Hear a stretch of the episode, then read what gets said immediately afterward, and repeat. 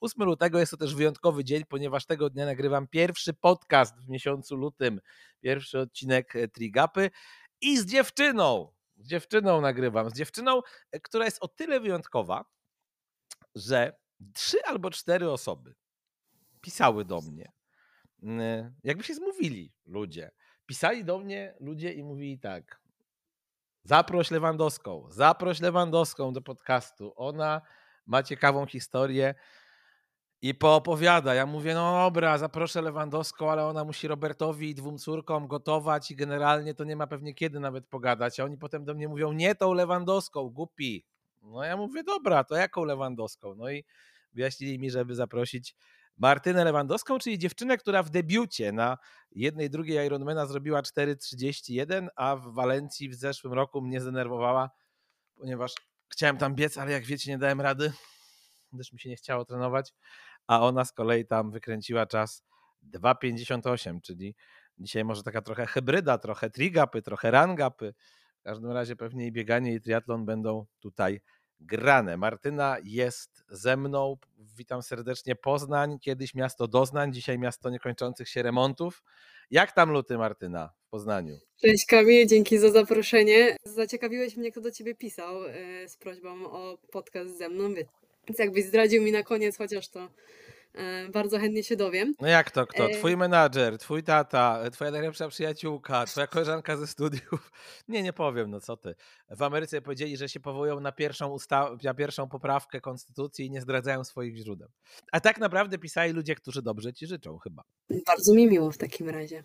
To jak ten Poznań mi powiedz, da się już tam przebiec po starówce, żeby sobie nie złamać nogi albo nie, nie włożyć jej w jakąś dziurę, albo E, tego typu historie? Jak to wygląda dzisiaj? Akurat byłam w ostatni weekend i byłam miło zaskoczona, bo już e, część e, ogrodzeń została zdjęta i można faktycznie przejść się bez większych przeszkód.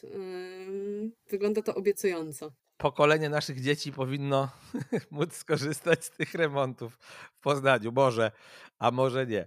Dobra, gadamy sobie o sporcie dzisiaj, gadamy sobie o triatlonie, natomiast ja bym najpierw chciał porozmawiać o młodości. Bo jak słyszę, że dziewczyna, która rocznikowo ma 28 lat, poświęca dużo godzin na trening, poświęca dużo godzin na pracę, a też jakiś czas temu zaczęła poświęcać dużo godzin pewnie na własny biznes, to mam takie myśli, czy jak czasami rano wstajesz z łóżka albo się kładziesz wieczorem do łóżka, to nie masz wrażenia, że ci ta młodość przecieka przez palce, bo tyle się dzieje? Nie, myślę, że nie. Jakby to jest mój świadomy wybór i yy, wydaje mi się, że nie zamieniłabym tego na inny scenariusz czasami wiadomo, no, te dni faktycznie y, bardzo szybko mijają i chciałoby się trochę zwolnić i zatrzymać, ale, ale ten pęd y, triatlonu, korpo życia, gdzieś tam właśnie race ready na boku e, bardzo mi odpowiada i ja się w tym dobrze czuję po prostu. A korpo życie to jest takie życie od 8 do 16, żeby skały srały, czy, czy te godziny są bardziej ruchome? Między 6 a 9 muszę, muszę zacząć, no ale wiadomo, priorytety są troszkę inne i zazwyczaj dzień zaczynam po prostu treningiem, więc do pracy włączam się bliżej ósmej, między siódmą a ósmą, no i 8 godzin ustawowo lecimy, a potem ewentualnie drugi. No tak, to nie jest proste, po tych 8 godzinach nie zawsze się chce, ale y, to jakby sobie jeszcze pewnie poruszymy. Natomiast moi drodzy, jak tak poczytałem to, co Martyna mi o sobie napisała, ale też trochę poskanowałem jej Instagram, to jednak muszę przyznać, że zdziwiłem się tym wynikiem w debiucie w Poznaniu na jednej, drugiej Ironmana, ponieważ był to czas 4.31 i to jeszcze czas, który jest, e, został osiągnięty z przygodami na rowerze. I wobec tego chciałem spytać, e, jak się w debiucie na takim dystansie wykręca taki rezultat, bo to jest jednak, wiesz, duża rzecz na pierwszy raz uderzyć w taki sposób w światek triatlonu na tym właśnie dystansie. Nie wiem, jak to się robi, to po prostu wyszło samoistnie. Wydaje mi się, że byłam dobrze przygotowana. E, no ale nie przygotowałam się jednak na wszystko, bo tak jak wspominałeś, na tym rowerze spotkały mnie małe przygody i rzecz, której się najbardziej bałam, a mianowicie, że stracę bidon z, z rozpuszczonym Mortenem, który miał mi posłużyć na pierwszą godzinę wyścigu. Po prostu zgubiłam go chyba tam na trzecim kilometrze. E, I ja w tej całej rozpaczy i panice zatrzymałam się do zera pobiegłam po ten bidon w nadziei, że jednak tam się nic nie stało i będę go po prostu mogła zabrać z powrotem i ruszyć dalej. No ale no nie zostało po nim nic. Yy, więc w głowie zaczął klarować się bardzo szybko plan, co zrobić dalej. E, oczywiście nie zapoznałam się z tym, na którym kilometrach są żele od organizatora, no więc jechałam trochę na brzydką mówiąc na pałę i stwierdziłam, że co będzie, to będzie. Najpierw zjadłam te żele, które po prostu miałam na, na drugą połowę. E, I łapiąc mm, bidon z izotonikiem na pierwszym punkcie bodajże, pomyślałam, że będę tak samo aero jak wszyscy prosi i wyrzucę sobie po prostu ten bidon pod strój. No ale strój mi się rozpiął i nie mogłam sobie hmm. z tym totalnie poradzić, e, bo jednak jedną ręką musiałam trzymać tą kierownicę, drugą próbowałam się zapiąć, bo ten bidon już też mi wypadł. E, musiałam się znowu totalnie zatrzymać, bo ten zamek nie chciał współpracować. E, no i, i trochę gdzieś tam rozpacz i w głowie jakieś takie podłamanie małe, ale stwierdziłam, że no trudno stało się, to trzeba to wziąć na klatę i, i działać dalej. A, I chyba w drugiej połowie wyścigu zatrzymałam się trzeci raz tak naprawdę do zera, bo musiałam zgarnąć te brakujące żale, których nie miałam. Eee, zgarnęłam ich sześć, potem się zorientowałam, że są z kofeiną i zaczęłam się martwić, czy ta kofeina mi nie zaszkodzi na biegu. No ale już tak naprawdę nie miałam innego wyjścia. No i potem już jak zjechałam do strefy zmian, pozostał bieg, no tam już tak naprawdę nie było kalkulacji, no lecimy tyle, ile było założone. Gdzieś tam myślałam sobie o tych 4,15 na kilometr i, i udało się to utrzymać bez żadnych e, dolegliwości żołądkowych. E, Jedynie skurcze gdzieś tam się odzywały na początku, ale szybko puściły i, i, i mogłam dowieść ten wynik, ale szczerze mówiąc ja sama się nie do końca spodziewałam, no bo no jednak właśnie, debiut bo ja to debiut, spytać... ja nie miałam porównania totalnie jak, jakby, jakie ja prędkości jestem w stanie osiągnąć na takich dystansach, nie? No właśnie, bo chciałem cię spytać o to, czy mieliście jakieś założenie przed tym startem, to znaczy, że tak, wiesz, pi razy drzwi, myśleliście, że to może być właśnie czas koło 4.30, 4.35, 4.40. Czego ty się spodziewałaś przed tym debiutem na jednej drugiej? Ja nie chciałam się spodziewać niczego za bardzo, żeby nie tworzyć sobie w głowie zbędnej presji. E, Maciej, mój były trener, e, już w zasadzie w kwietniu przewidział, że on obstawia, że ja się zakręcę w okolicach 4.30 na, na tym na tym debiucie. Ja nie do końca w to wierzyłam. Pływanie było z założenia po prostu na przetrwanie. Chciałam popłynąć jak na mnie dobrze, bo jednak to jest u mnie pięta achillesowa. E, ja zaczynałam się uczyć od totalnego zera na początku XXI. E, no i tutaj mm, jakby pływałam na olimpijce w piance, ale no nie kontrolujesz gdzieś tam tego tempa po drodze, więc e, tutaj ciężko mi było określić, jak to wyjdzie w praktyce. E, rower chciałam utrzymać gdzieś tam mm, założone waty, ale ja chyba w tej złości i w tej adrenalinie na początku jechałam dużo mocniej niż było założone. Później ta moc spadła, ale też był wiatr w plecy, więc, e, więc może i dobrze wyszło. Tutaj na biegu mogliśmy założyć, że w okolicach właśnie tak jak wspominałam, tych 4-15 mogłabym e, się trzymać. Tutaj a propos przygód na rowerze, moi drodzy, to musicie wiedzieć, że nie była to pierwsza przygoda Martyny e, na jednośladzie, że tak pięknie powiem. E, otóż mm, kiedyś w Monte Gordo na rower zabrała bidon oraz e, banana. Tomek Kowalski skomentował to słowami: Banan 70 kalorii, zaszalałaś. Ale potem nadrobiłaś to ponoć lodami, także natomiast ja już przywykłem do tego, że polscy triatloniści i rower to jest jedna wielka przygoda i zawsze coś się zdarzy. Pamiętam jak e, Ania Lechowicz chyba startowała na którymś Ironmanie i przygotowała się na wszystko e, ze swoim partnerem. Poza tym, że zgubi chipa i partner nie będzie wiedział, gdzie ona jest, na jakim etapie danego okrążenia i nie mógł jej podać chyba jedzenia czy picia, bo bo właśnie to się wydarzyło. Ciekawa historia, ponieważ e, kiedy ja rozmawiam o sportowcach zawodowych ze sportowcami zawodowymi, to wszyscy mi mówią, chociażby Adam Korol w jednym z odcinków Rangapy, że nie widział nigdy sportsmenki, która tak bardzo potrafiłaby cierpieć jak Justyna Kowalczyk. I że nawet faceci ci twardzi, tacy jak wioślarze, nie umieli tak bardzo cierpieć. No i właśnie, kiedy ja pytam o ciebie, to słyszę tak: nie znam drugiej takiej osoby, która tak bardzo potrafi cierpieć fizycznie. Na treningach, na zawodach ma talent do umierania, jakiego osobiście jeszcze nie widziałem. Faktycznie jesteś takim człowiekiem? Ciężko mi się od tego odnieść. Dla mnie to jest chyba jakieś naturalne, ale no słyszałam już y, tego typu komentarze. Ja kilkukrotnie po zawodach no, musiałam być zbierana, ale to jest jakaś taka wewnętrzna siła, która mnie pcha i bardzo mocno to było widać w sumie na maratonie w Walencji, bo ten wynik, który tam wykręciłam, to naprawdę ja uważam, że tylko i wyłącznie głową, bo tego dnia dyspozycja była fatalna. I gdyby nie ta chęć e, osiągnięcia tego celu sub 3, to, to bym tego nie dowiozła. Wiesz, ja o tym mówię dlatego, bo nawet y, jak sportowiec sporo trenuje, nawet jak sportowiec, mówię o amatorach, sporo poświęca, to naprawdę uważam, że taką zdolność do takiego cierpienia przez duże C, takiego umierania ma niewielu. No, takim oczywiście klasycznym przykładem tego, kto cierpi i po linii mety po prostu może się położyć i 20 minut dochodzić do siebie, to jest Emkon. Widziałem na własne oczy w Malborku w 2020 roku, w jakim on i Sergiusz Sobczyk kończyli stanie Ironmana i po prostu naprawdę byli trupami. E, I taka umiejętność zajechania się to jest duża rzecz, bo, bo z jednej strony właśnie masz, taką, masz takie poczucie, że wycisnęłaś z siebie maksimum, to jest raz, no ale dwa, tak jak mówię, że ludzie zazwyczaj jednak, wiesz, doprowadzają się do 94, 95% pewnie, a takie 99,9 albo 100 to moim zdaniem naprawdę nie każdy umie z siebie wycisnąć. No wiesz co, mi się wydaje, że ja kiedyś miałam ten próg w ogóle jeszcze bardziej przesunięty. Teraz y, y, zdarza mi się, że jestem bardziej zachowawcza. Nie wiem, może to jakoś tam.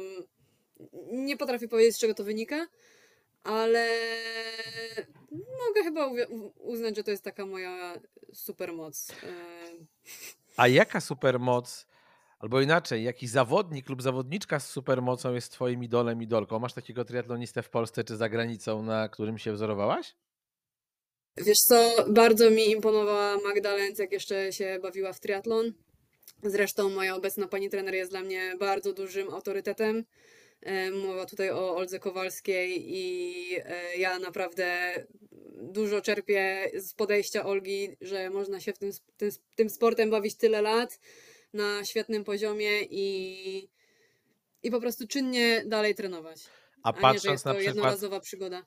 A patrząc na przykład Magdy Lenz, nie ma gdzieś w tyle głowy, głowy strachu, że no to jest fajna przygoda, ale może się szybko tak pstryk skończyć, że właśnie nagle zabraknie sił do uprawiania tego sportu, który nie oszukujmy się, bywa wyczerpujący? Pewnie, że jest, ale ja myślę, że tutaj też w triatlonie bardzo dużą barierą są niestety finanse, bo same zawody kosztują niemało, tym bardziej te spod szyldu Mki. E, dodatkowo wyjazd, e, ewentualna kwalifikacja na mistrzostwa. No i to tak się napędza. Zawsze się znajdzie coś, co można by dokupić, żeby urwać parę wat. No i to tak. E, to tak się jedno drugie napędza. Wiadomo, można znaleźć tym złoty środek i myślę, że to jest bardzo ważne. A niestety często age grouperzy wydaje mi się, że są mocno zachłyśnięci. Zresztą ja też nie chcę się jakoś super wypowiadać, bo jestem w tym sporcie dopiero dwa lata. Więc jest to dla mnie totalnie nowe, jakby nadal nowe i ja jestem tym jeszcze zachłyśnięta właśnie, mi się chce, ale y, tak samo pamiętam jak moja mama kiedyś mówiła, że Boże dziecko, po co ty tyle trenujesz, y, tak się męczysz i w ogóle za chwilę ci się znudzi to bieganie, a no i co, no i pierwszy raz pobiegłam w 15 w Olsztynie na, na dychę i jakby od tego momentu wszystko się zaczęło, jakby nadal biegam, pojawił się teraz jeszcze triatlon w ramach urozmaicenia i nie wydaje mi się, żeby to, to miało się tak skończyć, to już się stało jakąś częścią mojego życia, stylem i i no nie wiem, co ja bym miała robić teraz w tym wolnym czasie, co ja bym robiła po pracy. Oszalałabyś no, prawdopodobnie. Chyba bym oszalała, no ale nawet pieska nie mam, no to, to co? To zaadoptuj, słuchaj. My ostatnio w kanale Zero mocno nawet w hate parkach w godzinie Zero e, przekonujemy, adoptujcie psa, ludzie, jak możecie, to bierzcie, no wiesz. Będziesz mogła biegać z pieskiem, nawet chyba no, Ale wiesz, jak jest w triatlonie, tu wyjazd, tam wyjazd i potem co z takim pieskiem, Powiem ci nie? tak. Więc jakby, no to, to musi być rozsądna decyzja, jeszcze do niej nie dojrzałam, chociaż już po głowie trochę kiełkuję. Zobaczymy. Dobrze, to zostawiamy kwestie zwierzęce, natomiast weźmiemy się za kwestie geograficzne, moi drodzy. Bo nie wiem, czy wiecie, ale istnieje taka miejscowość, która nazywa się Taupo. I teraz tak, ta miejscowość jest miastem w Nowej Zelandii. Jak sobie zgooglujecie, to zobaczycie, że tam absolutnie obrazki są, powiedziałbym, totalnie filmowe. Zresztą chyba w Nowej Zelandii kręcono Władcę Pierścieni, wobec czego ta Mhm. filmowość tego kraju jest już faktem powszechnie znanym, ale w Taupo odbędą się też Mistrzostwa Świata w tym roku na dystansie jednej i drugiej Ironmana. Odbędą się w grudniu. E, No tam wiadomo, jest trochę inaczej, czyli ten okres letni przypada na okres zimowy w Polsce. Ja się o tym brutalnie rok temu w styczniu w Australii przekonałem, gdzie rzeczywiście waliło po ryju brutalnie, nam po 35 stopni bywało, 37. Ekscytacja, stresik, co się w tobie budzi, jak myślisz o tym, co cię za tych 10 miesięcy czeka, bo, bo to może być przygoda życia. No, wydaje mi się, że ze względu na położenie geograficzne i na mnogość sportów, to nawet większa przygoda niż ta Walencja. Oj, to na pewno. No, Jest ogromna ekscytacja. Ja sobie czasem puszczam na trenerze, że jakieś, wiesz, filmiki z Nowej Zelandii, żeby się tak trochę podkręcić i, i, i podpalić właśnie na ten start. Ale no wiadomo, po drodze jeszcze będą inne, inne starty kontrolne, bardziej mniej, a, ale no wiadomo, cel główny Taupo i tutaj wszystkie ręce na pokład. Zobaczymy, jestem bardzo ciekawa, co z tego wyniknie, no bo od stycznia zaczęłam właśnie współpracę z Olgą. Eee, I ja wierzę, że jestem w dobrych rękach. Myślę, że będzie z tego bardzo fajna przygoda. Niech to po prostu wypali. Wiadomo, że nazwisko Kowalski w polskim triatlonie dużo waży i jest jakimś takim synonimem dla wielu profesjonalizmu. Co jest innego po tych kilku tygodniach treningowych, jeżeli chodzi o podejście Olgi Kowalskiej do tego, jakie miał e, podejście twój poprzedni trener Maciek Skórnicki? Czy to się da już porównać, czy jeszcze jest za wcześnie? Myślę, że trochę za wcześnie, ale na pewno zauważyłam, że mam ciut więcej treningu, większa jest ta objętość, bo u Macieja, jak zaczynaliśmy wchodzić w bazę, to kręciłam się bliżej na przykład takich 8 godzin, teraz jest to raczej 11-12. Em, No, więc zobaczymy, zobaczymy jak to będzie w stricte już w sezonie. Więc wiesz, na razie te jednostki są takie bardzo spokojne, easy. E, Jeszcze żadnego harakiri nie przeszłam. Zobaczymy, zobaczymy. Nie, ze przyszłym sezon, tfu, w przyszłym miesiącu właśnie e, jadę na obóz do Montegordo z państwem Kowalskich, także tam będzie się po prostu Tam już działo. miękkiej gry nie będzie. Na obozie Tam już nie będzie banana nie ma na rowerze gry. jednego. To prawda, a powiedz mi ten sezon 2024 w związku z zwieńczeniem go właśnie w Nowej Zelandii, to jest sezon, w którym ty raczej będziesz stawiać na dłuższe dystanse, czy, czy będziesz tych sprintów e, ćwiartek czy olimpijek też próbować? Jaki jest plan? Czy jeszcze tego planu do końca nie ma? Jak to dzisiaj wygląda? Jeszcze do końca nie ma, ale będę się już skupiała bardziej na połówkach. O pełnym na razie nie myślę, to jest uważam długa droga. Chcę się pobawić trochę na, na tych właśnie połówkach, jeszcze popróbować jednej czwartej, olimpijek, właśnie sprintów. Ja pierwszy rok ścigałam się tylko na jednej ósmej i olimpijce i i no teraz we wrześniu dopiero była ta pierwsza połówka.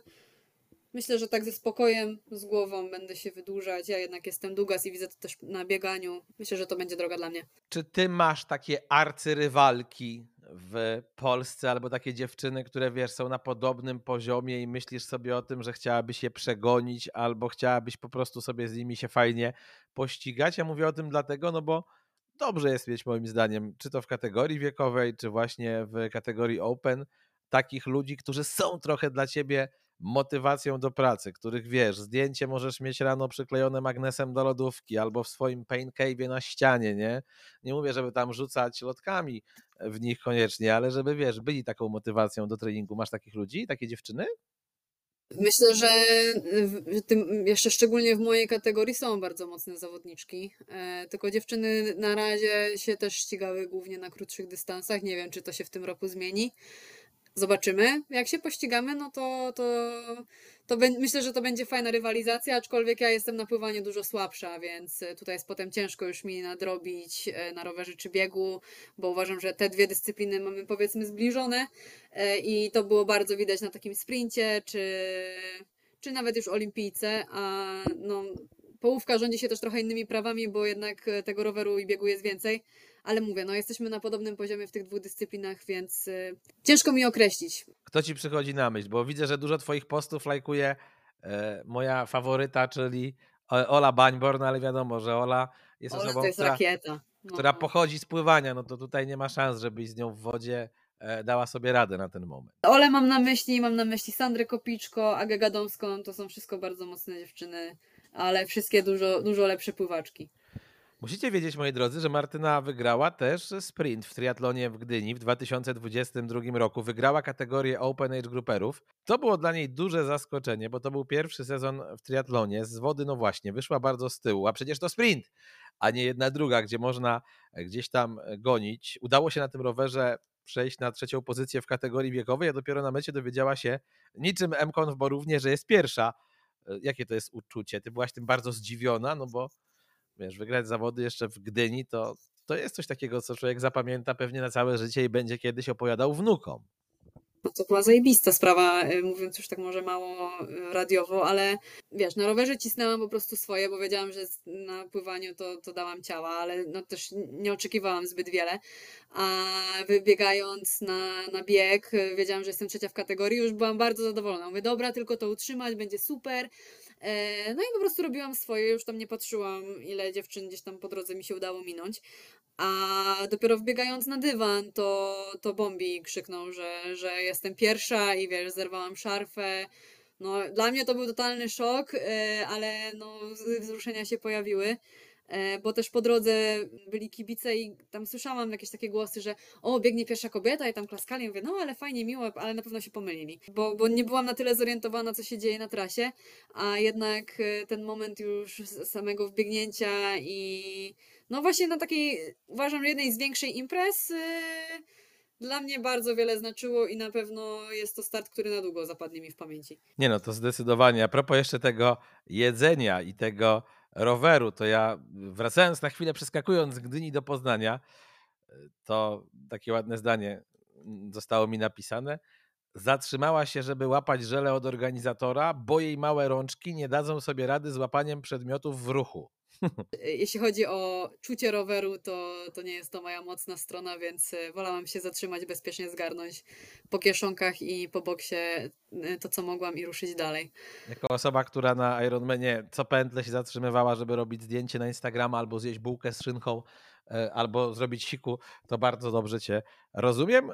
Też otrzymuję informację, że nawet potrafisz zjeść obiad, kręcąc na trenażerze, ale myślę, że tę umiejętność już wielu z triatlonistów posiadło. Znam nawet takich, co potrafią tam, nie wiem, kręcić na trenażerze, a e, na rękach mieć dziecko i je usypiać tym, e, że tak powiem, dźwiękiem trenażera, bo on jest dosyć monotonny, a wiadomo, że małe dzieci czasami przy takich monotonnych dźwiękach, jak dźwięk suszarki czy trenażera właśnie mogą usnąć. No, y, dzieci to jeszcze nie mój etap, y, ale tak, jeśli chodzi o jedzenie, to ja nie odmawiam, nie potrafię odmówić i czasami się ludzie śmieją, że e, jeśli mówię, że nie jestem głodna, to, to pytają się, czy się dobrze czuję i czy wszystko jest okej, bo w, w małym ciele jednak dużo się potrafi czasem zmieścić. Ja w ogóle kiedyś powiem Ci, że jako doświadczony randkowicz to nauczyłem się, że najgorsze są te drobne dziewczyny, które bierzesz gdzieś na kolację i tak oceniasz, wiesz, ona dużo nie zje. No i niestety potem okazuje się, że ta dziewczyna e, prawdopodobnie ma jakieś tasiemca, o, że ona ma tasiemca i wiesz, i tam wjeżdża wszystko po prostu, przekąska, danie główne i deser, nie? Także to, to ja, ja się już nauczyłem, że najszczuplejsze dziewczyna, jeszcze sportsmenki, to nie, nie, nie. To można źle No, ja, się, ja się podpisuję, to tak jakby miałam podobną historię. Moi drodzy, rozmawiamy z Martyną Lewandowską, ale dzisiaj w ogóle jest taki, e, powiedziałbym, kobiecy odcinek programu Trigapa, albowiem moją rozmówczynią w kąciku trenerskim po raz pierwszy będzie także pani.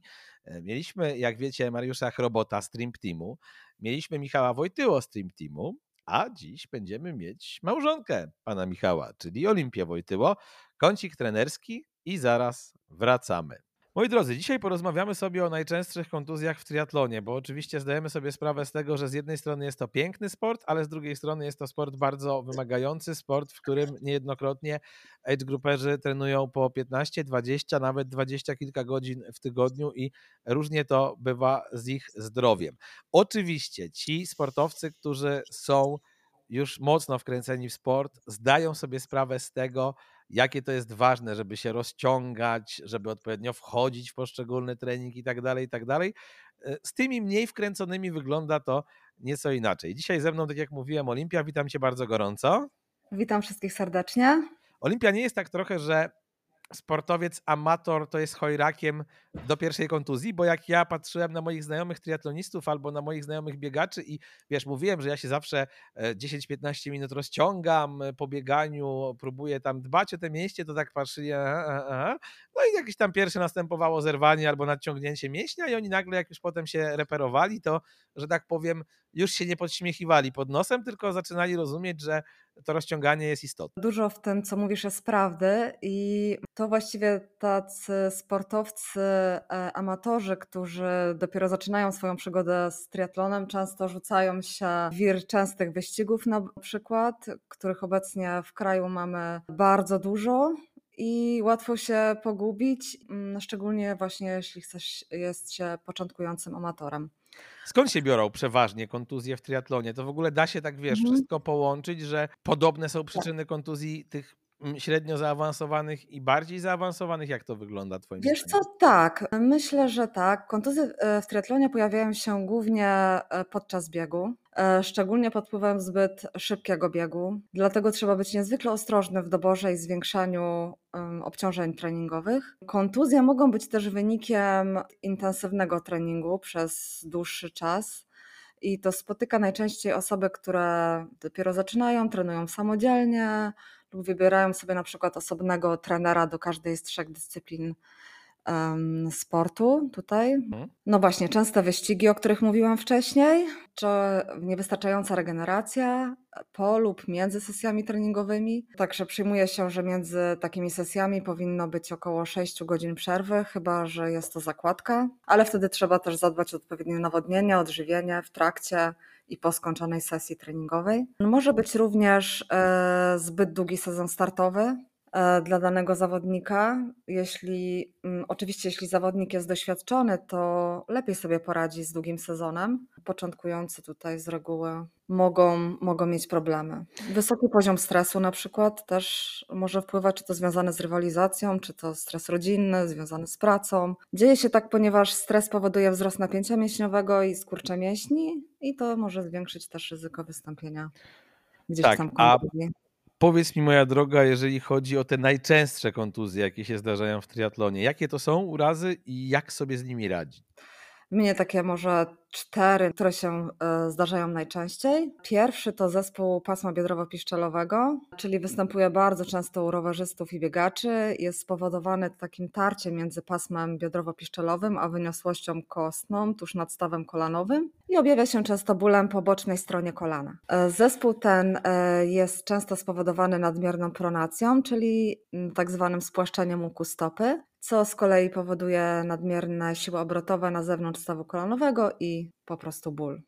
Ale można sobie z tym poradzić e, właśnie rozciąganiem, jak powiedziałeś e, na początku, krioterapią, fizjoterapią, wkładkami ortopedycznymi. Może to rozwiązać problem nasz z zespołem pasma biodrowo-piszczelowego. Mhm. Częstą przypadłością jest shin split. To objawia się bólem wzdłuż wewnętrznej części goleni podczas biegania i może to być wynikiem za dużo, za szybko, biegania po twardej nawierzchni, złego obuwia, uderzania o podłoże przednią częścią stopy, złej techniki i również nadmierną pronacją. Zwykle zmniejszenie dystansu biegu, zastosowanie lodu czy dostosowanie techniki i wzmocnienie łydek może wyeliminować objawy bólu. Rozciąganie również y, tutaj ma duży, duży wpływ na, na nasz shin splits. Trzecim takim najczęstszym urazem, do, z którym się spotykamy, jest zapalenie ścięgna Achillesa. I tutaj domniemuje się, że mm, szczególnie e, bieganie po terenie górzystym, czy bieganie z dużą prędkością lub bieganie po nierównych nawierzchniach bez odpowiedniego programu kondycyjnego może prowadzić do, do problemów z Achillesem. Tutaj również właśnie rozciąganie, środki przeciwzapalne, wkładki ortopedyczne czy dobre obuwie do biegania może pomóc e, w sytuacji, kiedy mamy problemy e, bólowe z zapaleniem ścięgna. Kolejna kontuzja, którą, z którą możemy się właśnie triatloniści czy biegacze mogą się zmagać, to zapalenie rozścięgna podeszwowego. To jest e, powięź podeszwowa, to pasmo włóknistej tkanki, które biegnie pod spodem stopy od kości piętowej do palców. E, pasmo to może ulec zapaleniu, szczególnie w miejscu połączenia z kością piętową i to e, zapalenie tego, e, zapalenie rozcięgna podeszwowego powodują twarde nawierzchnie, bieganie po twardej nawierzchni, praca na wzniesieniach, bieganie z palców, praca na też dużych prędkościach. Żeby sobie z tym poradzić, e, to zalecamy tutaj też rozciąganie, leki przeciwzapalne, lepsze buty do biegania, fizjoterapia. Jestem też ciekaw tego, wiesz, zapobiegania kontuzjom, bo tych zasad jest zazwyczaj dużo. E, są trochę takie szkoły, a to Otwocka, a to Falegicka. Jedna mówi nie rób tego, jedna mówi nie rób tamtego. Mm, jak wy, jako trenerzy do tego podchodzicie? Mówię wy, czyli chociażby ty i twój mąż jak macie tych swoich Mhm. zawodników, których prowadzicie i gdzieś tam o tych kontuzjach z nimi rozmawiacie i chcecie się ich przekonać do takiego życia, e, żeby tych kontuzji nie łapali, to jakie są te systemy, te możliwości zapobiegania urazom? Wiesz co, na pewno dobór, dobry dobór e, obciążeń. Tutaj w naszej grupie bardzo często bazujemy na skali RP. Jest to taka, taki subiektywny pomiar intensywności wysiłku i to pozwala zawodnikowi skupić się na swoich odczuciach, e, czyli nie bazujemy na cyferkach, na przykład podczas biegu, tylko e, raczej e, uczymy wsłuchiwania się w swój organizm. Czasem wystarczy, wiesz, niewyspanie, mm, stres, mm, czy jakieś tam inne warunki atmosferyczne gorsze, że, że po prostu te cyferki mogą gubić i często powodować, że, że, że pobiegniemy za mocno, za szybko, zbyt gwałtownie. Na pewno też e, bodźce treningowe należy powolutku stopniować, tak aby zawodnik był przygotowany na każde nowe obciążenie. Ciężkie, umiarkowane i łatwe sesje treningowe przeplatamy ze sobą, aby mm, dać możliwość regeneracji i adaptacji. No na pewno również e, intensywność. Staramy się w naszych treningach, staramy się nie robić niczego na 100%. To zawsze podnosi ryzyko kontuzji. Takie 85, 95, nawet przy jakichś tam mocniejszych interwałach w zupełności wystarczy. Dobrze nam się też sprawdza trening funkcjonalny, czyli praca nad stabilnością i mobilnością, z takim zużyciem wolnych ciężarów, TRX-ów, praca na niestabilnym podłożu, rozciąganie, wzmacnianie core. Uczymy się też, jak prawidłowo oddychać.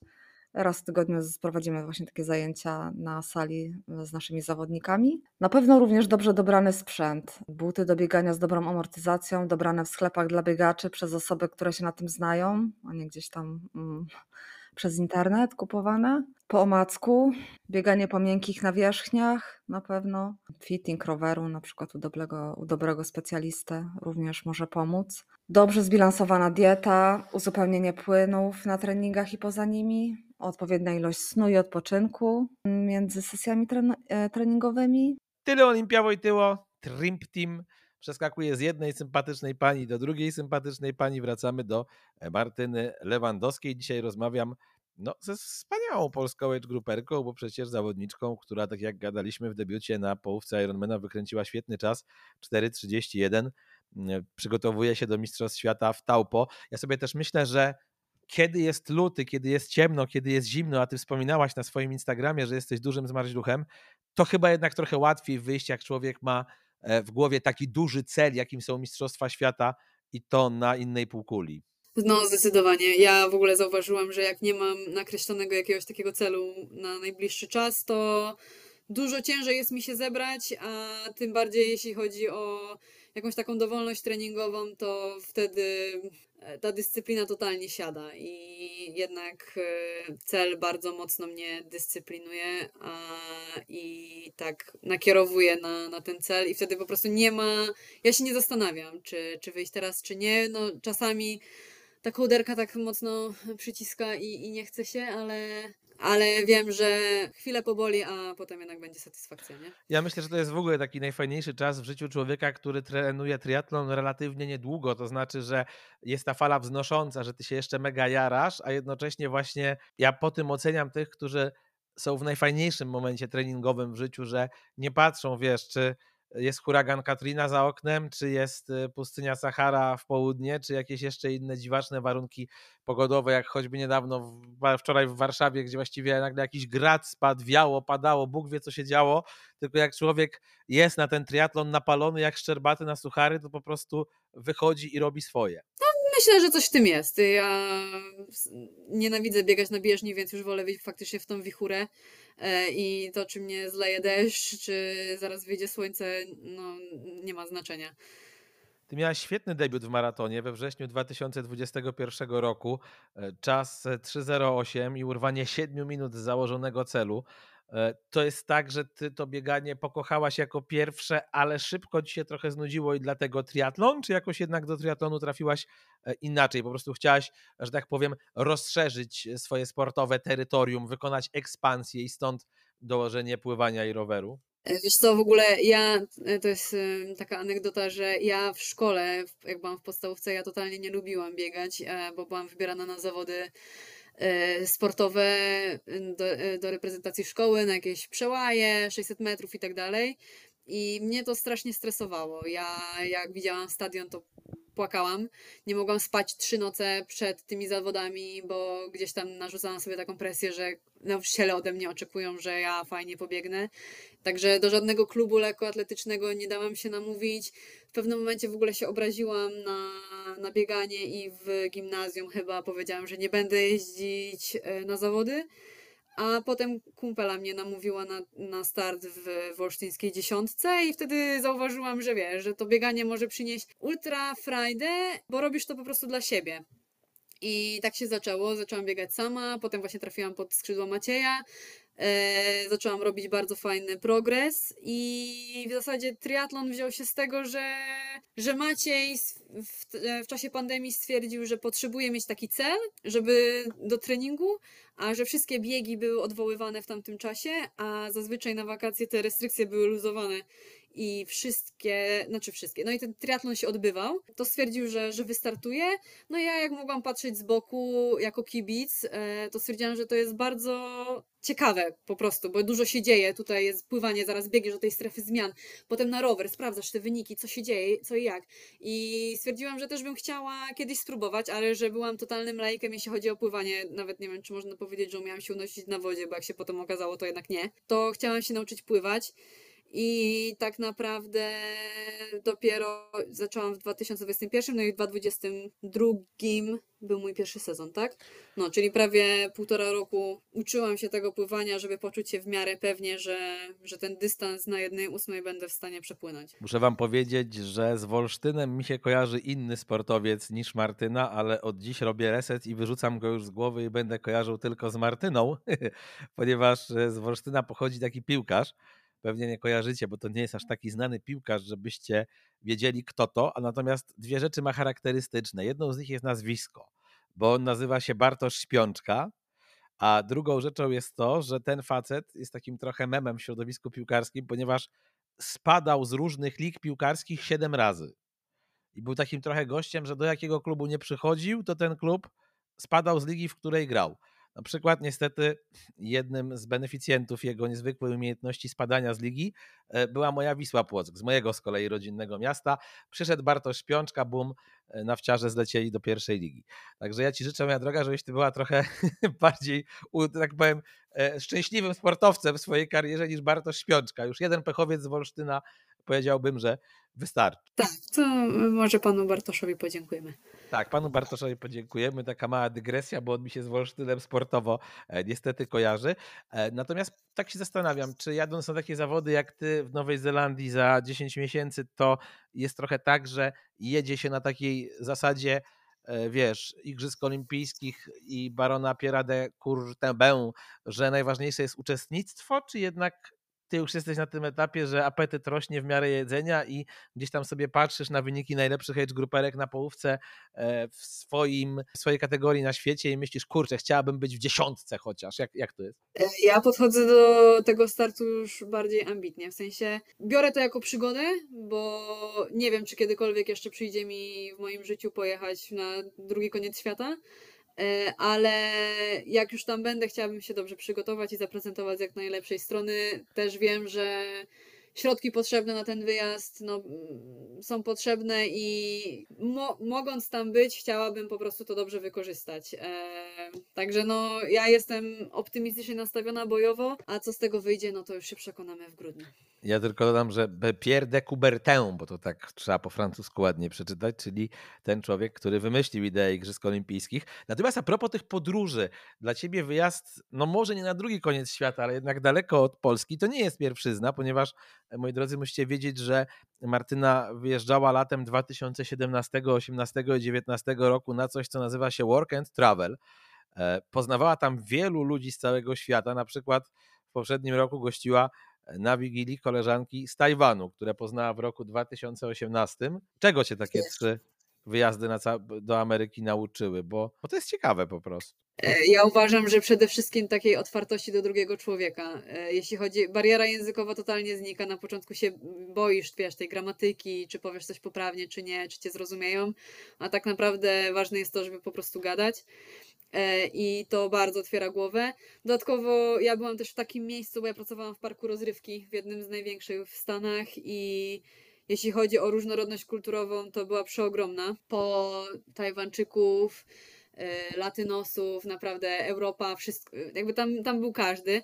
E, można było stworzyć super znajomości i właśnie dziewczyny z Tajwanu co roku to jest ciekawe, one co roku nam wysyłają e, kartki na Boże Narodzenie, mimo że same tych świąt nie obchodzą, to pamiętają, wysyłają zawsze z jakimś zdjęciem, z podpisem, to jest naprawdę urocze i one chciały już przyjechać tutaj dwa lata temu, e, czy trzy, tylko była wtedy pandemia i zrezygnowały, a teraz stwierdziły, że, że przylatują na Wigilię zeszłą i na początku była taka mała konsternacja, co tu zrobić, bo to przecież święta, czas z rodziną i tak dalej, a moi rodzice byli bardzo otwarci na ten pomysł, powiedzieli, dobra, dawaj, pokażemy im, jak to wygląda, wygląda ta Wigilia u nas i odbierałam je faktycznie z lotniska 24 grudnia. Jeszcze się okazało, że bagaż im został w Pradze, nie, nie zdążyli go prze, przełożyć do kolejnego samolotu, więc one wylądowały w tej Polsce bez żadnych ciuchów, tylko z tym podręcznym, a w podręcznym no nic nie miały ze sobą niezbędnego, więc e, było trochę dodatkowego stresu, a też wylądowały o takiej porze, że wszystko było zamknięte, więc naprawdę nawet, e, nawet, nawet żabkę nam zamknęli przed nosem. E, dobrze, że się udało ogarnąć na szybko jakieś szczoteczki do zębów, chociaż cokolwiek. Ale one były przeszczęśliwe, że wiesz, że mogły zobaczyć na własne oczy, jak wygląda Wigilia w Europie. Na pewno się spodziewały, że będzie śnieg yy, i będzie taka może trochę przyjemniejsza aura, ale dla mnie to było bardzo satysfakcjonujące móc je tu gościć, bo widziałam, ile im to po prostu radochy sprawia, nie? A czy nie dostały wytrzeszczu gałki ocznej, jak zobaczyły, ile jest potraw na polskim wigilijnym stole? Trochę tak, ale ja się próbowałam je tak podpytać, jakby co im najbardziej smakuje i tak dalej. One, że wszystko jest super i w ogóle nawet tego karpia zjadły. Ja mówię takie, Boże, ja tego nie cykam, a one tam zajadały i e, nie wiem, czy to jest taka e, azjatycka gościnność i, i, i ta kultura, że one nic nie skrytykowały, ale no wydaje mi się, że to było szczere. E, też przyjechały po prostu z toną prezentów, potem się okazało do nas i nam aż było głupio, bo e, no, no nikt się nie spodziewał, że one po prostu będą na, ta, na tyle wdzięczne, że, że, że ją ugościliśmy. Nie? A powiedz, co ty w tym parku rozrywki w Ameryce robiłaś? Ty byłaś takim właśnie studentem, który tam musiał zapierdzielać w pocie czoła? Byłaś odpowiedzialna za jakiś konkretny kawałek tej podłogi? Jak wyglądała ta praca i czego ona z perspektywy paru lat cię nauczyła? Ja pracowałam jako ride operator, czyli pracowałam typowo na rollercoasterach z reguły jest przypisany jeden, potem można sobie dorabiać na przykład na innych, albo jeśli ktoś się nie pojawi w pracy, to, to wtedy idzie się na zmianę. Ale no, były, jakby tam jest zasada taka, że co 30 minut jest rotacja. Jest, są różne pozycje na danej kolejce, w zależności od wielkości kolejki tych pozycji jest więcej lub mniej. E, zawsze się stoi na wejściu, sprawdza się, czy dana osoba jest wystarczająco wysoka, załóżmy, żeby wejść. E, nie wiem, liczy się osoby, które wchodzą jakby na takie szybsze wejście, zapina się tych ludzi, a nie zawsze jest to łatwe, bo jak wiemy, Amerykanie lubią sobie pojeść. Mówi się takie formułki o bezpieczeństwie, wita się ich z powrotem jak przyjadą, sprząta się jak się pożygają. No generalnie dzieje się. Kiedyś była taka piosenka Smooth Operator, a ty byłaś Light Operator, sprawny operator chyba, tak? To kto śpiewał tę piosenkę Smooth Operator? Czy to nie była, muszę, czekajcie, Sade, o, Sade to śpiewała. Piosenka sprzed, o Jezu, prawie tak stara jak ja, z 84 roku. No, na Instagramie niedawno była trendem. Tak? No. No proszę bardzo, widzisz, dobrze wiedzieć. E, wracają przeboje. Wracamy też do E, pewnych kwestii, które chciałem poruszyć. Znaczy, już trochę rozmawiamy o pracy, rozmawialiśmy o korporacji. Ja bym chciał o własnym biznesie, bo wiadomo, że Amerykanie kojarzą się z przedsiębiorczością. Natomiast Martyna, nie wiem, czy zainspirowana amerykańskim stylem życia, czy po prostu sportem, uznała, że założy, moi drodzy, swój pierwszy mały biznes, chcąc połączyć pasję ze sportem. No i wpadła na pomysł własnego izotoniku. Brakowało jej na rynku izo z kofeinką i to było zapalnikiem, aby wziąć sprawę w swoje ręce. To jest moja droga ten moment, kiedy możesz swój biznes zareklamować. Dawaj. Dwa lata temu byłam bardzo sfrustrowana swoją poprzednią pracą. Ja jestem po finansach i rachunkowości, a siedzę w sporcie bardziej i jakby to jest rzecz, która faktycznie mnie napędza i daje mi takiego wigoru do życia. E, I chciałam mm, no, robić coś, co jakby będzie połączeniem tego sportu z pracą. Wtedy, tak jak wspominałeś, e, był taki moment, który był zapalnikiem do tego, żeby, żeby podziałać i w listopadzie 21 roku zaczęłam szperać, jak się za to zabrać. Po w zasadzie 9 miesiącach chyba później testów bo bardzo zależało mi na tym, żeby jednak to IZO było no przede wszystkim smaczne, dobrze się rozpuszczało i miało różne źródła węglowodanów, żeby ta energia była uwalniana jednak stopniowo podczas wysiłku. E, to e, zajęło nam to sporo czasu, ale finalnie otrzymałam produkt, który jest teraz moim małym dzieckiem, jest to Race Ready jakby produktem flagowym jest właśnie IZO Energy, czyli izotonik z kofeiną, bo bardzo często spotykamy się na rynku e, z żelami z kofeiną, a jednak izotonik z kofeiną, tego mi brakowało. Jakby dla mnie to nie było na tyle popularne, żeby, żeby móc to spotkać faktycznie na półce w sklepie i stwierdziłam, że to może być fajna nisza, której po prostu u nas brakuje. E, a że jestem jednak nadal małym startupem, e, to na ten moment mam dwa smaki. Jest to wisienka, która chyba w większości smakuje i to jednak się najbardziej przyjęło, ale jest też klasyka, czyli lemon lime, taki cytrusowy posmak. I obie wersje są zarówno z kofeiną, jak i bez kofeiny, czyli na rano ta wersja z kofeiną siada super. Ja na, na basen zawsze zabieram właśnie sobie butlę E, Izo Energy, ale już na przykład wieczorne treningi, no to, to klasyczny izotonik e, tutaj się lepiej sprawdzi. A powiedz mi, moja droga, jak wygląda ten proces produkcyjny, ta ścieżka od koncepcji do gotowego izotonika, którego możesz sprzedać i jak ciężkie było dla ciebie przeprowadzenie tych poszczególnych etapów. No bo wiesz, zazwyczaj jak się kupuje żel, czy jak się kupuje izotonik, e, no to wiemy, że to są duże firmy, które pewne ma, pewnie mają już swoje łańcuchy dostawców poszczególnych e, gdzieś tam e, podzespołów. No teraz może trochę odszedłem od picia, nie wiem. Ostatnio czytałem maska i pisano jak Tesla powstawała i że wiesz, komponenty się sprowadzało z całego świata, łańcuch dostaw był bardzo skomplikowany i tak dalej, i tak dalej. I to dlatego było na początku takie drogie. Zakładam, że oczywiście w swoim przypadku ten biznesik był nieco mniej skomplikowany, ale i tak mnie ciekawi, jak dużo wysiłku kosztowała ta droga właśnie od pomysłu do, do gotowego napoju i jak to dzisiaj wygląda? Czy ty go sobie dystrybuujesz, wiesz, bardziej przez internet sumptem własnym, czy ty się z kimś dogadałaś i ktoś ci pomaga ten biznes rozwinąć? Wiesz co, właśnie wbrew pozorom to wcale nie było takie łatwe, bo ja miałam bardzo niski próg wejścia z tego względu, że ja mówię o sobie jako startup, to nie miałam możliwości zamówienia na przykład na dzień dobry 10 tysięcy sztuk, więc kluczowe było tutaj znalezienie producenta, który podejmie się dużo mniejszej produkcji, e, więc to było takim pierwszym, takim pierwszy, taką pierwszą przeszkodą, bo ja na początku też myślałam o żelach, ale tutaj już temat był dużo bardziej skomplikowany e, i zaczęłam od ISO. Później wiadomo, trzeba było jakby, ca, jakby ta cała procedura też nie jest taka, jak ktoś sobie wymyśli, tylko trzeba spełniać też wymogi GIS-u i jednak zawartość e, mikro, makroskładników e, izotoniku też musi spełniać pewne wymogi. To trzeba było wszystko zarejestrować. Ja też tworzyłam sama od zera stronę internetową, gdzie ja jestem totalną amebą, jeśli chodzi o takie sprawy techniczne, ale wiesz, no mamy YouTube'a i nawet tutaj to się dało ogarnąć, przysiedziałam no, myślę, że parę tygodni kleiłam e, tą stronkę, ale wydaje mi się, że efekt finalny wyszedł całkiem, całkiem sympatycznie. A jeśli tutaj odpowiadając na Twoje pytanie, jak dystrybuuję, no to głównie właśnie przez moją stronę internetową, ale Izotonik też jest u Marcina z 365 Sportu.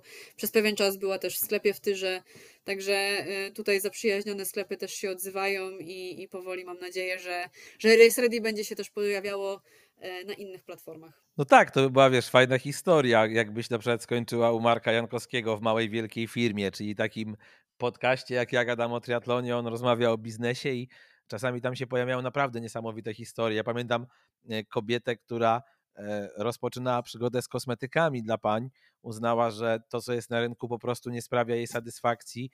No i wydaje mi się, że często właśnie takie fajne idee rodzą się z tego, że dana osoba po prostu nie jest zadowolona. Chciałaby, żeby coś było na rynku, znajdujesz e, gdzieś tam te w twoim mniemaniu niszę i próbujesz ją zapełnić. Ja teraz nie pamiętam ani nazwiska tej dziewczyny, ani nazwiska tej, ani nazwy tej firmy, natomiast to w ogóle jakaś absolutnie olbrzymia e, na końcu dnia yy, była inwestycja i, i firma, która pamiętam, że przynosiła zysk rzędu kilkunastu chyba milionów złotych rocznie E, więc, więc no to nie jest tak, że tego typu historie nie muszą się fajnie skończyć. Tak ci mówię, wiesz, ku pokrzepieniu serc młodej No pewnie. Czy ja mam też świadomość, że wiesz, żeby to fajnie działało, to trzeba poświęcić temu znacznie więcej czasu. Ja pracując jednak na etacie, trenując dosyć ambitnie, bawię się też jeszcze trochę w Instagram, no to chcąc, nie chcąc, któraś z tych odnóg ciut kuleje i no przyznaję się, że ostatnio niestety mniej czasu poświęcałam na, na swój mały biznes, ale powiedziałam sobie, że w tym roku koniec i koniec tej prokrastynacji i trzeba się wziąć e, w garść. Bo ludzie, jakby ludzie na przykład często zdarza się tak, że kojarzą już ten produkt, ale na przykład nie kojarzą go stricte ze mną, albo że to jest po prostu moje. E, no i chciałabym to zmienić. Wiesz, no, jakby ci to, że tak powiem, pyknęło, to kiedyś ja na przykład znam dziewczynę, która pracowała w korpo i otworzyła jedną knajpkę. Ta knajpka była wspaniała, jest do dzisiaj w Warszawie, potem otworzyła drugą i dzisiaj jest panią bizneswoman z dwoma prężnie działającymi restauracjami w stolicy, a też wiemy, że biznes gastronomiczny jest jednym z najtrudniejszych, jeżeli chodzi o rozwinięcie go, o możliwość rozwinięcia go, także, także tutaj Ci życzę tego, żeby, żeby to fajnie hulało. Tak sobie patrzę jeszcze na te ważne rzeczy, które wypisałaś mi w swoim mniemaniu, w swoim życiu. No i jest ten skok ze spadochronem na Hawajach, właśnie podczas wyjazdu na Work and Travel. Napisałaś mi, że może mało istotne, ale to chyba była taka pierwsza sytuacja, w której wyszłaś ze strefy komfortu i poczułaś, że zrobiłaś coś szalonego. Ja zawsze podziwiam ludzi, którzy skaczą e, ze spadochronem albo skaczą na bungee, bo jako taka, dla mnie już szczytem powiedziałbym ryzyka życiowego to było wsiąście na rower i jeżdżenie na rowerze po ulicy, biorąc pod uwagę jak polscy kierowcy ale też generalnie europejscy traktują rowerzystów często. E, I pomyślałem sobie, że jak ja gdzieś tam mam w głowie skok ze spadochronem, czy właśnie na bungee, to ja to definiuję jako takie trochę niepotrzebne ryzyko własnego życia. To znaczy wiem, że szansa na to, że to się źle skończy jest minimalna, ale jednak jest i tutaj mnie to już powstrzymuje przed tym, żeby spróbować. E, I po tym przydługim wstępie prowadzącego chciałbym, żebyś powiedziała, ale wiemy wszyscy, że mam tendencję, żeby dużo gadać, więc musicie się z tym pogodzić. Ja nie chcę ci po prostu się wcinać w słowo. Nie, no, wiesz, kulturalnie jesteśmy dzisiaj, lecisz. jedno drugiego wysłuchuje i lecimy dalej. To chciałbym, wiesz, żebyś opowiedziała, jak do tego doszło. No, ja ci powiem, że jak podpisywałam tam zgodę już przed samym skokiem, e, że jakby biorę odpowiedzialność sama, cała, cała na siebie, to miałam chwilę zwątpienia, czy, czy faktycznie tego chcę. Wydaje mi się, że czasem, już jak wspomniałeś o tym rowerze, to większy mam stres jadąc na rowerze gdzieś tam w okolicy, bo, bo nieraz się zdarzyło, że zostałam strąbiona, opryskana z płynem ze spryskiwaczy, czy inne jakieś tam nieprzyjemne sytuacje. A tam... Yy, no, work and travel sprawia, daje tą możliwość, że za kasę, którą sobie tam zarobisz i odłożysz podczas pracy przez trzy miesiące, możesz potem zwiedzać. A jak już jesteś w tych Stanach, to tak naprawdę na Hawaje masz rzut beretem. i e, ja z tej możliwości skorzystałam. Miałam koleżankę, która pracowała na Hawajach stricte całe lato i widziałam na Instagramie właśnie, że, że zdecydowała się na skok ze spadochronu i to był chyba taki zapalnik dla mnie, że, że to by było coś szalonego, a Alicja jest po prostu dziewczyną, która ma adrenalinę we krwi i ona robi totalnie szalone rzeczy. Z drugiej strony stwierdziłam, że to jest takie miejsce, i wymyśliłam po prostu, że chcę to zrobić i, i, i, do tego doszło. Czy masz plan, żeby wrócić na Hawaje kiedyś w przyszłości, ale już nie po to, żeby skakać ze spadochronem? Tego nie wiem. Zobaczymy, jak się rozegra moja triatlonowa przygoda. Niemniej, jeśli y, Mistrzostwa Świata na pełnym dystansie nadal się będą rozgrywały na Hawajach, to nie ukrywam, że może jednego dnia chciałabym też się stawić na starcie. A propos generalnie jeszcze podróży, wyjazdów zagranicznych, to ja czytam, być może właśnie w związku z tymi wyjazdami na work and travel i z tym takim planowaniem czasu, że Martyna ma manię wykorzystania wyjazdów na maksa. Na przykład kilka dni w Barcelonie z nią to zawsze spanie z budzikiem, rano trening i potem łażenie non-stop. Rzadko można z nią posiedzieć na leżaku i nic nie robić. Nie, no czas na leżak też jest, ale najpierw trzeba pozwiedzać, zobaczyć co się da, a potem można leżeć z, z wywalonym bebzolkiem i odpoczywać, nic nie robić. No to jest prawda, to się zgadza, ja lubię wykorzystywać wyjazdy na maksa, jeszcze jak się uda gdzieś to wpleść, y, jakiś start biegowy chociażby. No i a propos tej Hiszpanii, to z tego co wiem, to marzy ci się, aby tam docelowo kiedyś mieszkać. To, była takie, to było takie moje marzenie w liceum, jak zaczęłam się uczyć hiszpańskiego i stwierdziłam, że kiedyś to bym chciała mieć męża Hiszpana i w ogóle mieszkać w Hiszpanii. Wtedy jeszcze nie wiedziałam, że Hiszpanii to ma mało się do roboty garną, e, więc e, powiedzmy, że ten plan podupadł.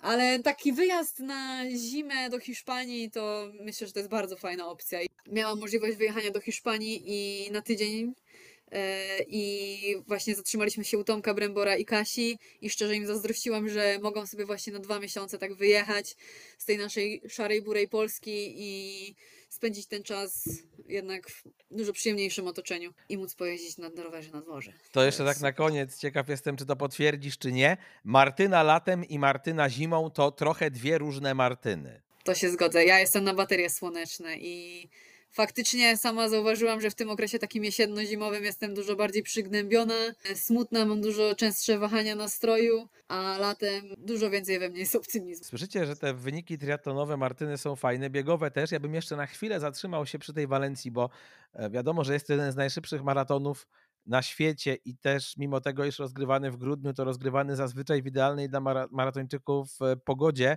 bardzo tam cierpiałaś, bardzo mocno musiałaś, że tak powiem, przesunąć tą swoją granicę bólu w trakcie tego łamania trójki? Bardzo, ale to było jakby na to złożyło się kilka rzeczy. Jak totalny amator, dzień przed po prostu zrobiliśmy chyba 15 tysięcy kroków, nie, 20 tysięcy kroków, to stwierdziłam, że jutro będzie ciężko i że to był bardzo zły pomysł, a po prostu to się wszystko przeciągnęło przez to, że szukaliśmy sobie jedzenia.